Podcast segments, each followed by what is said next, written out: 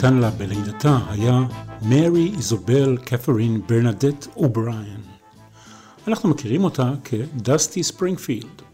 הכינוי דסטי ניתן לה על ידי הילדים ששיחקו איתה כדורגל בשכונה. היא הייתה tomboy שכזאת, הרבה לפני שהפכה לזמרת נשמה. היא נולדה בלונדון באפריל 1939 ומתה זמן קצר לפני יום הולדתה השישים. אחיה הבכור, דיוניסיוס P.A. אובריין, נודע לימים בשם תום ספרינגפילד, והייתה לו יד ורגל בקידום הקריירה שלו ושל אחותו.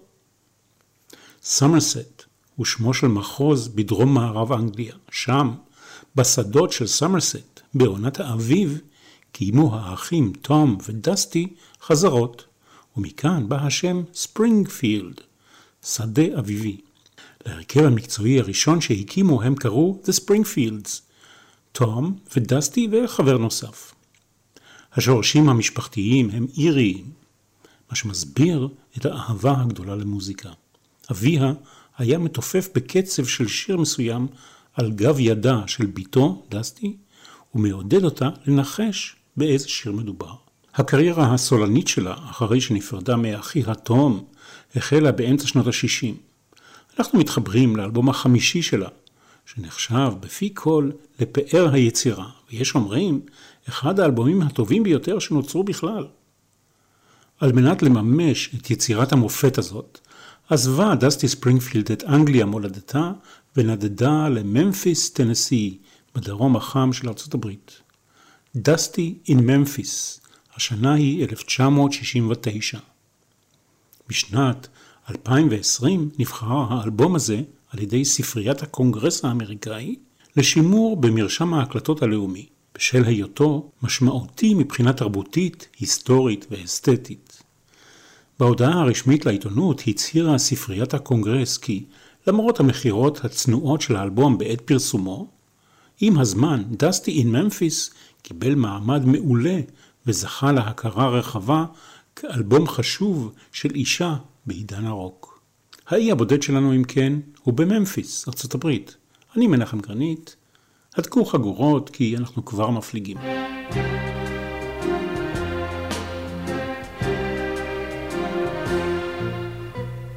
Just a little loving early in the morning beats a cup of coffee for starting off the day. Just a little loving when the world is yawning makes you wake up feeling good things are coming your way. This old world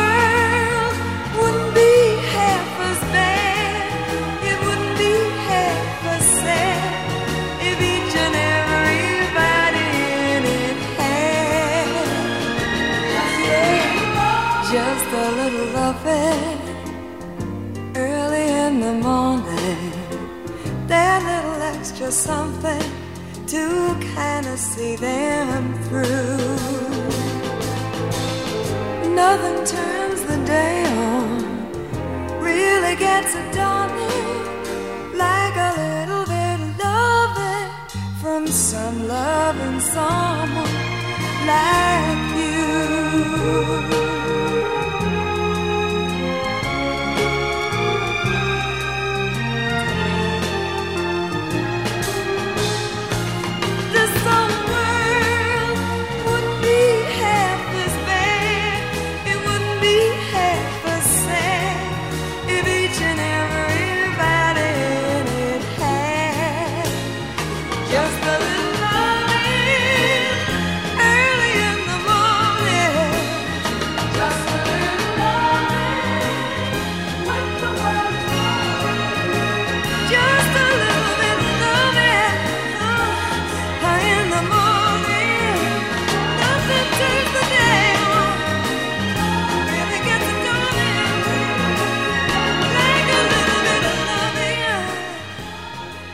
דסטי ספרינגפילד הייתה אייקון תרבותי של שנות ה-60 הסוערות. דמותה הייתה מוכרת לכל, ידוענית בשפת היום-יום של היום. התסרוקת הבלונדינית המחומצנת שלה, בסגנון שנקרא בי-הייב, כוורת דבורים, שמלות ערב נוצצות שהיא לבשה תמיד, איפור כבד לעיניים, מסקרה, שזכתה לכינוי עין פנדה, פנדה איי. בדימוי, במראה החיצוני, היא שאבה השראה מהמראה של מלכות הזוהר הבלונדיניות של אותם הימים, כמו בריז'יט ברדו וקתרין דנב. לקחה מכל אחת מהן משהו והדביקה יחד לפי טעמה האישי. בשנות התשעים היא גם הפכה לאייקון קמפ, עם המראה האולטרה זוהר שלה, סגנון תיאטרלי ומוגזם במתכוון, והיא זכתה להערצה ולמעקב עוצמתי ומתמשך בקהילה הגאה. זה באשר לדימוי והמראה החיצוני. שירתה וקולה היו משהו אחר. קול נמוך ואירוטי וצורת הבעה שאי אפשר היה להשוות אותו לשום דבר אחר ולאף אחת אחרת. סגנון דסטי ספרינגפילד. עד עצם היום הזה היא נחשבת, ובצדק, לזמרת הנשמה הכי טובה שאנגליה הוציאה מקרבה. האלבום הזה, החמישי במספר של דסטי ספרינגפילד, סימן עידן חדש מבחינתה. זו הפעם הראשונה שהיא הקליטה אריך נגן מחוץ לבריטניה. ולא רק זה, שלושה אשפי הקלטות והפקה פיקחו על כל התהליך. ג'רי וקסלר, מפיק ממוצא יהודי שהפך לאגדה עוד בחייו, האיש שהמציא את המונח Rhythm and Blues ועבד עם אומנים כמו אריתה פרנקלין, ריי צ'ארלס, בוב דילן ואחרים. אריף מרדין, יליד איסטנבול, אחד מקברניטי חברת התקליטים אטלנטיק בשעתו, רשימת הישגיו היא כמעט אינסופית, ותום דאוד, דאוד טכנאי הקלטות אולטימטיבי, איש שעזר לעצב את הקריירה של כמה מהאומנים הגדולים ביותר. בזכותו, חברת התקליטים אטלנטיק הייתה הראשונה להקליט שירים על שמונה ערוצי הקלטה באמריקה. זכרו, אנחנו עדיין בעידן האנלוגי במאה ה-20. למרות שהיא עבדה עם שלושת הגדולים האלה, העבודה עם דסטי, השואפת לשלמות, לא הייתה קלה. והלידה הייתה קשה. את השירים שהיא שרה כאן חיברו הבכירים ביותר באמריקה, ברי מן וסינתיה וייל, ברט בכרך, רנדי ניומן וג'רי גופין וקרול קינג שחיברו את השיר הבא. כולם אגב יהודים. השיר הבא הוא So Much Love.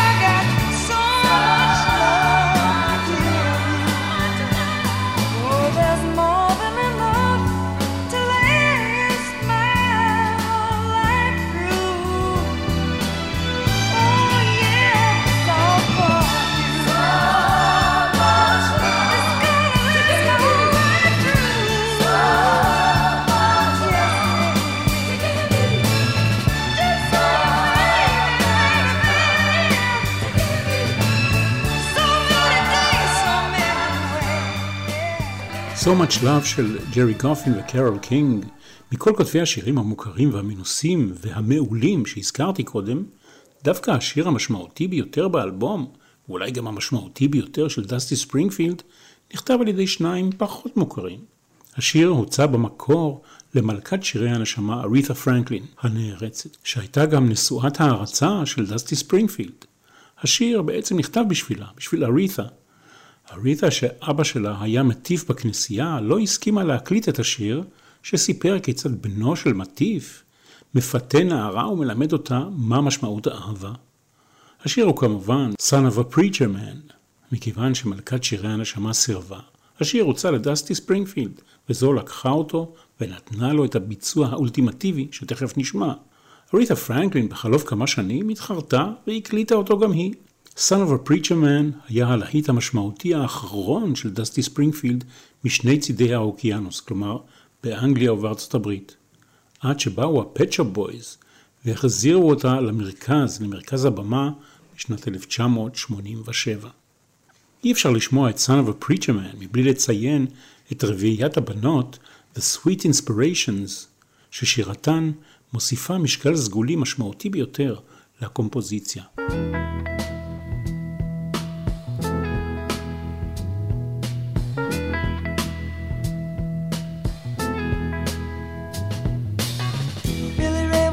Preacher's son. And when his daddy would visit, he'd come along. When they gathered around and started talking, Cousin Billy would take me walking. Out through the backyard we go walking. Then he looked into my eyes. Lord knows to my surprise, the only one who could ever reach me was the son of a preacher man. The only boy who could ever teach me was the son of a preacher man. He was. He was.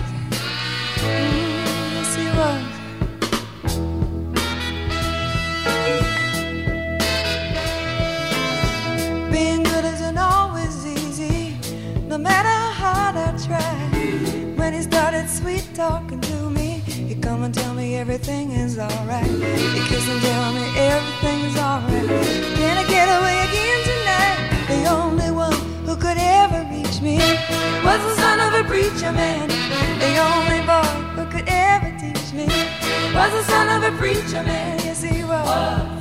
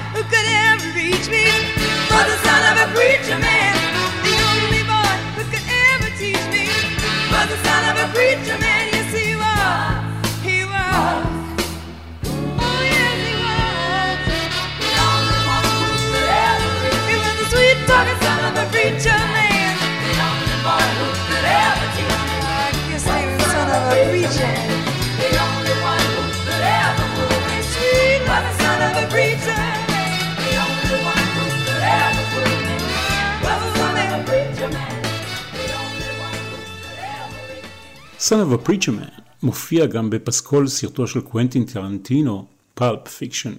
פרפקציוניזם, השאיפה לשלמות. אפשר היה להפוך את המונח הזה לשמה האמצעי של דסטי ספרינגפילד. בהיותה כזו, פרפקציוניסטית, היא לא הייתה מרוצה מתוצאות ההקלטה של שירתה ב-American Sound Studios בממפיס, ומשום כך הוחלט להקליט מחדש את השירה שלה לכל שירי האלבום באולפני אטלנטיק בניו יורק. למרות השאיפה לשלמות, ולמרות השימוש באשפי ההקלטה והנשמה האמריקאים, האלבום הזה, כמו שקורה לא פעם, לא זכה להצלחה מסחרית ולהערכה הראויה. חלפו שנים עד שהאיכויות של השירים, של שירתה של דסטי ספרינגפילד והסאונד המיוחד קיבלו את ההערכה הראויה. כל האמור לעיל לא תרם לשיפור מצבה הנפשי וביטחונה העצמי של דסטי ספרינגפילד. ההפך הוא הנכון. יחד עם זה, האלבום Dusty in Memphis זכה לחיקוי ליצירת גל של צעידה באותם מסלולים של שירת הנשמה. הקלטות באותם האולפנים, אולפני אמריקן בממפיס. שלושה חודשים אחרי שיצא האלבום של דסטי, הופיע אלבום נשמה של דיון וורוויק, עם שילוב דומה של סול ופופ שהוקלט באותם האולפנים. בקיץ 1969 יצא האלבום From Elvis in Memphis, שהוקלט גם הוא באותם האולפנים, ושנה לאחר מכן יצא אלבום של זמרת בריטית אחרת, פטיולה קלארק, שהוקלט גם הוא בדיוק באותם האולפנים שבממפיס. אלה הן כמובן רק כמה דוגמאות לתחייה המשמעותית של מוזיקת הנשמה והמודעות שהלכה והתעצמה לחשיבות ולאיכות של מה שאנחנו מכירים ומוקירים כיום כ-soul music, במובן הרחב של המילה. In my neighborhood, we don't live so good. The rooms are small and the buildings made of wood. I hear the neighbors talking about you and me.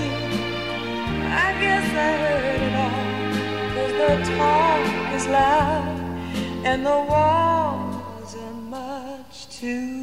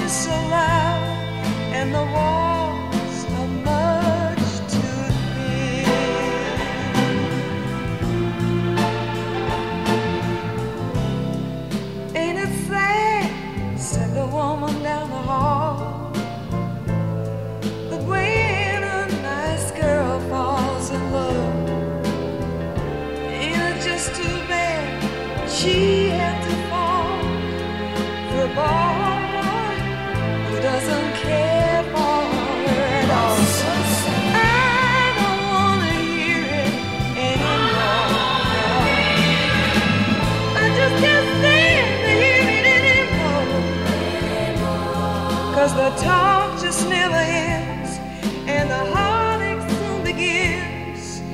The talk is so loud and the walls are much too thin.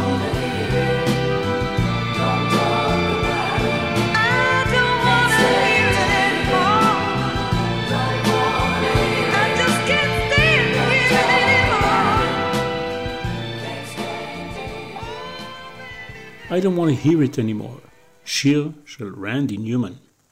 דסטי אין ממפיס ראה אור בינואר 1969 באמריקה וכמה חודשים אחר כך במולדתה של דסטי בבריטניה. האלבום התהדר בשתי עטיפות תקליטים שונות. באמריקה הייתה דסטי חתומה באטלנטיק, כמו ארית'ה פרנקלין נשואת הערצתה, ובבריטניה בחברת התקליטים פיליפס. האלבום היה כישלון מסחרי גם בבריטניה וגם באמריקה, והגיע רק למקום ה-99 במצעד האלבומים האמריקאי, והוא גם לא זכה להגיע לטופ 40 של מיטב האלבומים בבריטניה. לדברי עיתונאי המוזיקה פיטר רובינסון, הכישלון המסחרי הזה הכשיל את הקריירה של ספרינגפילד במקום להחיות אותו. למרות שבסופו של דבר הוא הפך לאבן דרך משמעותית בתרבות הפופ ולנקודת ציון עבור אוהדיה של דסטי ספרינגפילד, גם הוותיקים שבהם וגם אלה שגילו אותה במהלך השנים. חשוב לציין בהקשר הזה, במיוחד עבור מאזינינו הצעירים יותר, תקליטים היו רכוש מתכלה. כשקנית תקליט וחרשת אותו על הפטיפון מאות ואלפי פעמים, הוא נשחק. וכדי לשוב ולזכות בחוויה מחודשת, נהגו רבים לשוב ולרכוש את האלבום האהוב עליהם בחנויות יד שנייה. זו הייתה מגמה פופולרית ביותר בשנות ה-60 וה-70. זה מה שקרה לאלבום הזה של דסטי ספרינגפילד. בסופו של דבר, החריקות עשו לו רק טוב. דסטי עם ממפיס הופיע מאז כמה וכמה פעמים במהדורות חדשות, ובכל פעם עם מה שמכונה רצועות בונוס. ב-1988 יצאה מהדורה כלל אירופאית חדשה, ומהדורות נוספות יצאו ב-1992, ב-1999 וב-2002.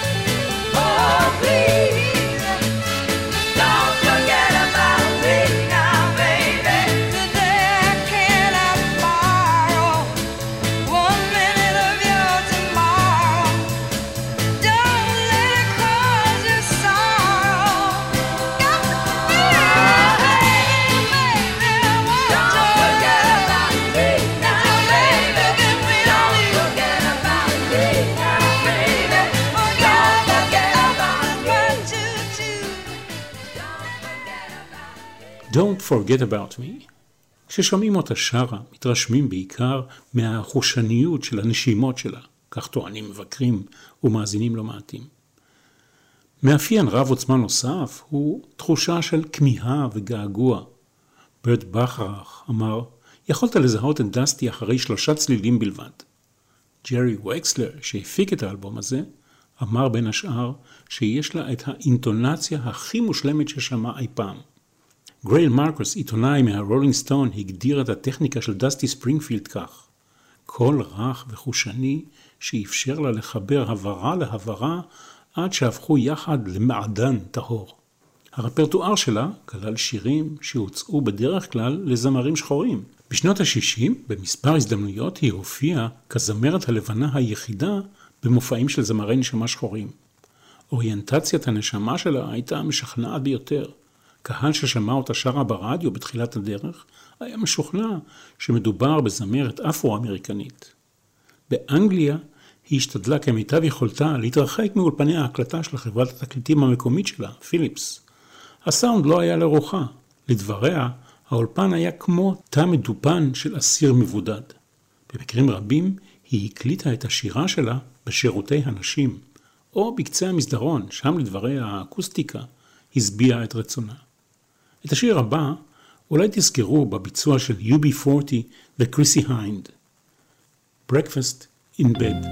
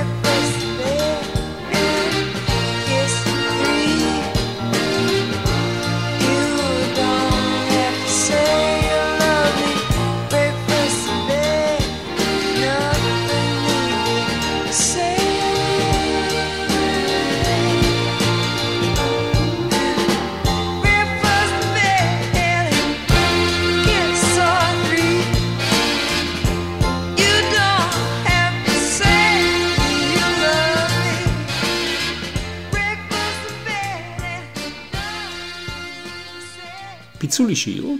כך סברו כמה מהביוגרפים והעיתונאים שסיקרו את הקריירה שלה. מרי אובריין הביישנית והשקטה, ולצידה הפנים המחייכות של דסטי ספרינגפילד. מצד אחד ביטחון עצמי, כפי שהוא נשקף מהשירים ומההופעות שלה בטלוויזיה, ומאחוריו מסווה של חוסר ביטחון, כולל התמכרויות לאלכוהול ולסמים. והחשש שהקריירה שלה תיפגע אם היא תתגלה כלסבית. בשנות ה-70 ותחילת שנות ה-80, אלכוהוליזם והתמכרויות לסמים השפיעו על הקריירה המוזיקלית שלה, ולא לטובה. היא אושפזה מספר פעמים בגלל שפגעה בעצמה, עשתה חתכים בסכין בגופה, ובשלב מסוים היא אובחנה כחולה בהפרעה דו-קוטבית, ובמילים אחרות, מניה דיפרסיה. לגבי מערכות יחסים וזוגיות, מעולם לא נודע שהיא נמצאת במערכת יחסים הטרוסקסואלית. הנטייה המינית שלה שבה והתעוררה לעיתים קרובות במהלך חייה. מאמצע שנת 1966 ועד תחילת שנות ה-70 היא חיה לצידה של זמרת עם אמריקנית בשם נורמה טנגה. בשנת 1972 היא הודתה ברעיון בנטיות הדו-מיניות שלה. לדבריה, היא נמשכה באותה מידה לגברים ולנשים, לשני המינים.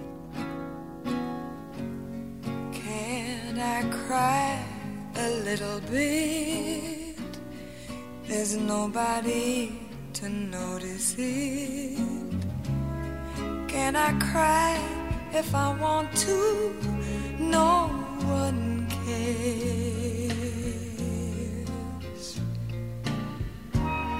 Why can't I pretend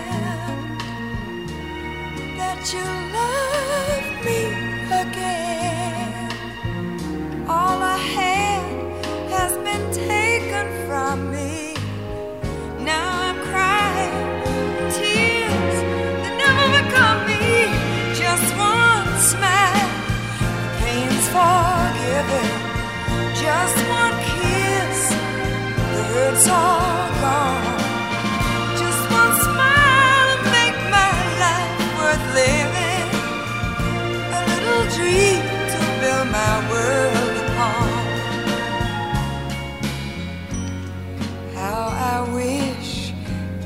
say all the things I want to say. If some way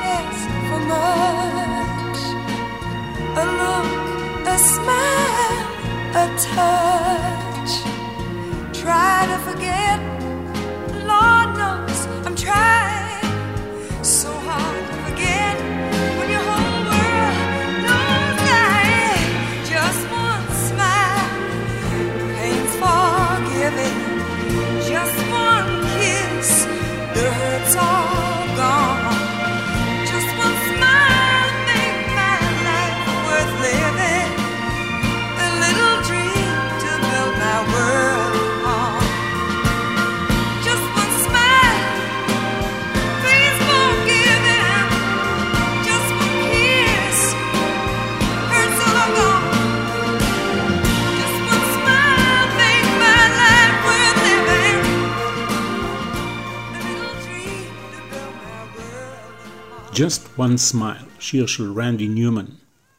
בחזרה לממפיס. ההקלטה הייתה אתגר רציני עבור המפיק הוותיק ג'רי וקסלר. מתוך כל השירים שהצעתי לה, הוא אמר, היא אישרה בדיוק אפס. בשבילה, הוא הוסיף, לומר כן לשיר אחד נתפס כמחויבות לכל החיים. דסטי ספרינגפילד הגיע לממפיס, חמושה בניסיון רב ובהצלחות מקומיות במולדתה, אבל חוסר ביטחון השתלט עליה משני טעמים. טעם ראשון, היא מעולם לא עבדה עם מפיק חיצוני. עד לאותה העת, היא הפיקה בעצמה את כל ההקלטות שלה. טעם שני, היא נמצאה מחוץ לתחום המחיה הטבעי שלה, בארץ רחוקה, באולפן שבו הקליטו הבולטים והמפורסמים שבזמרי הנשמה. הנה דוגמה, היא לא רצתה להקליט את השיר הבא, ורק בזכות לחץ מסיבי של ג'רי וקסלר היא הסכימה. The Windmills of Your Mind, שיר צרפתי במקור, שהלחין מישל לגרנד. גרסתו המקורית בוצעה על ידי נואל הריסון, והשיר בביצוע המקורי זכה בפרס האוסקר כחלק מפסקול הסרט The Thomas Crown Affair, בכיכובם של סטיב מקווין ופיי דונווי. בארץ קראו לזה השוד המושלם. מכיוון שהנגנים של דסטי בממפיס התקשו קצת עם האקורדים של השיר הזה, דסטי הציע לבצע את השיר בקצב הרבה יותר איטי.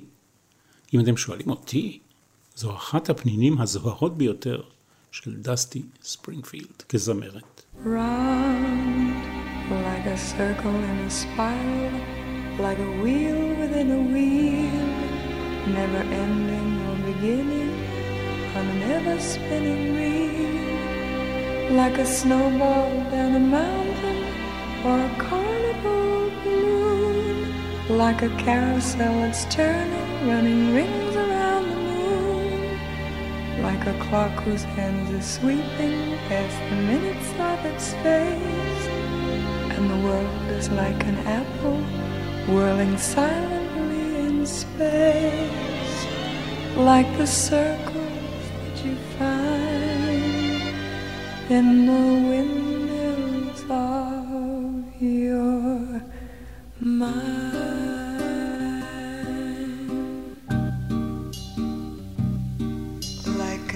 tunnel that you follow to a tunnel of its own, down a hollow to a cavern where the sun has never shone, like a door that keeps revolving in a half forgotten dream. Or the ripples from a pebble someone tosses in a stream. Like a clock whose hands are sweeping past the minutes of its face. And the world is like an apple whirling silently in space, like the circles that you find in the windmills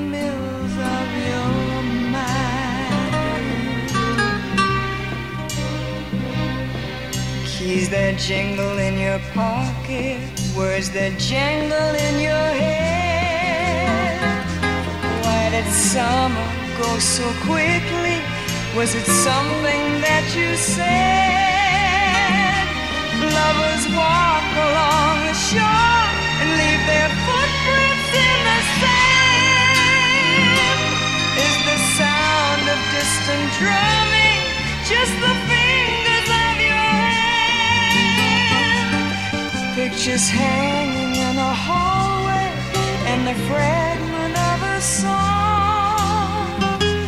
Half remembered names and faces, but to whom do they belong? When you knew that it was over, you were suddenly aware that the autumn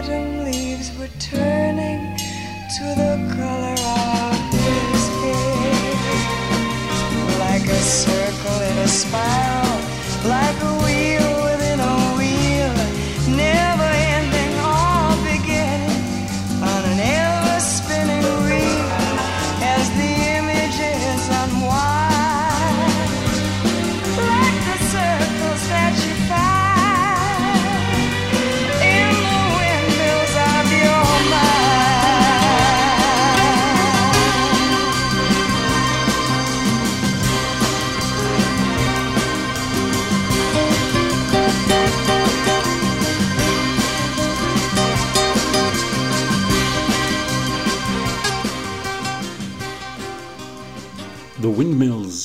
Your Mind. האם יש לזקוף את ההצלחה של לד זפלין לזכותה של דסטי ספרינגפילד? במהלך ההקלטות בממפיס בנובמבר 1968 הציעה דסטי ספרינגפילד לראשי חברת התקליטים אטלנטיק להחתים את להקת לד זפלין שזה אך הוקמה. היא הכירה את נגן הבאס של הלהקה, ג'ון פול ג'ונס, שניגן בהופעות שלה בעבר. מבלי שראו אותה מעולם, ובמידה רבה בעצתה של דסטי ספרינגפילד, חברת התקליטים אטלנטיק החתימה את לד זפלין והעניקה להם מקדמה ראשונית בסך 143 אלף דולר.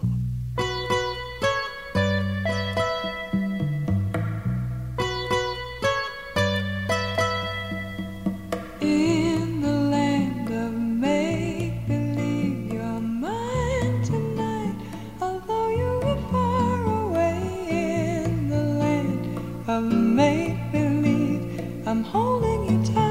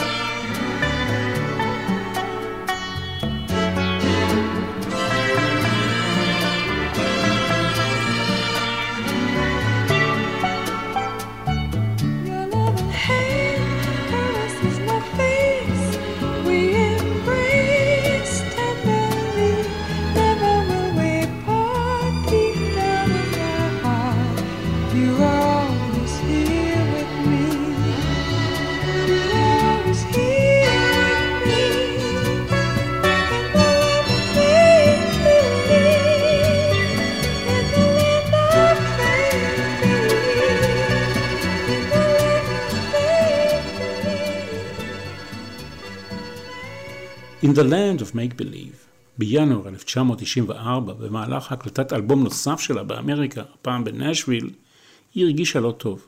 כשחזרה לאנגליה, רופאיה אבחנו אותה כחולה בסרטן השד. בסוף המר המחלה הזו הכריעה אותה כעבור שנתיים. היא נפטרה ב-2 במרס 1999, שבועות ספורים לפני יום הולדתה ה-60. חברה הטוב אלטון ג'ון נשא דברים בטקס ההכנסה שלה להיכל התהילה של הרוקנרול.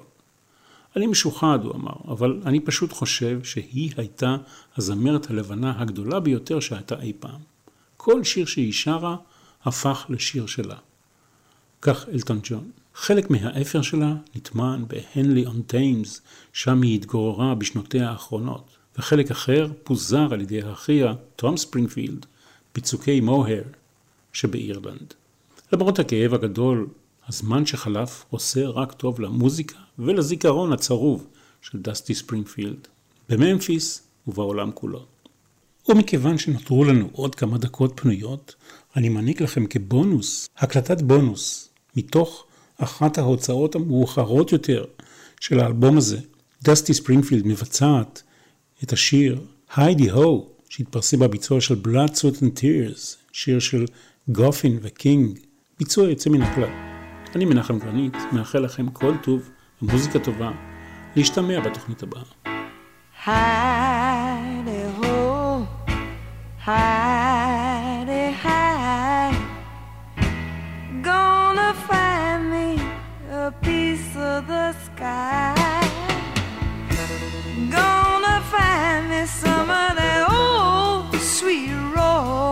Singing hidey, hidey,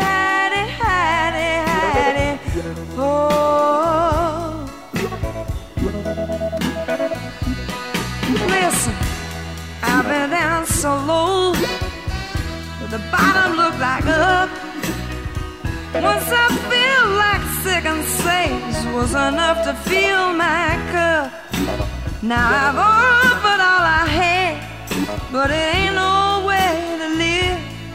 Being taken by the ones who have the least amount to give. Singing hidey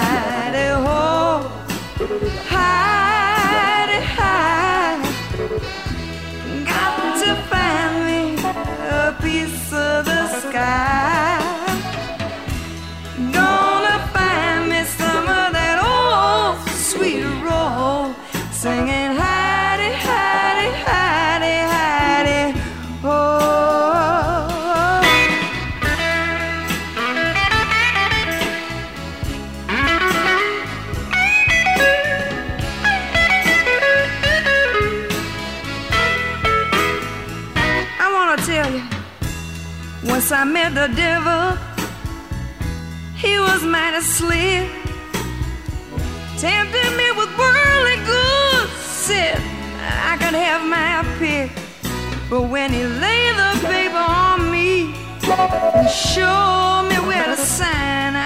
live.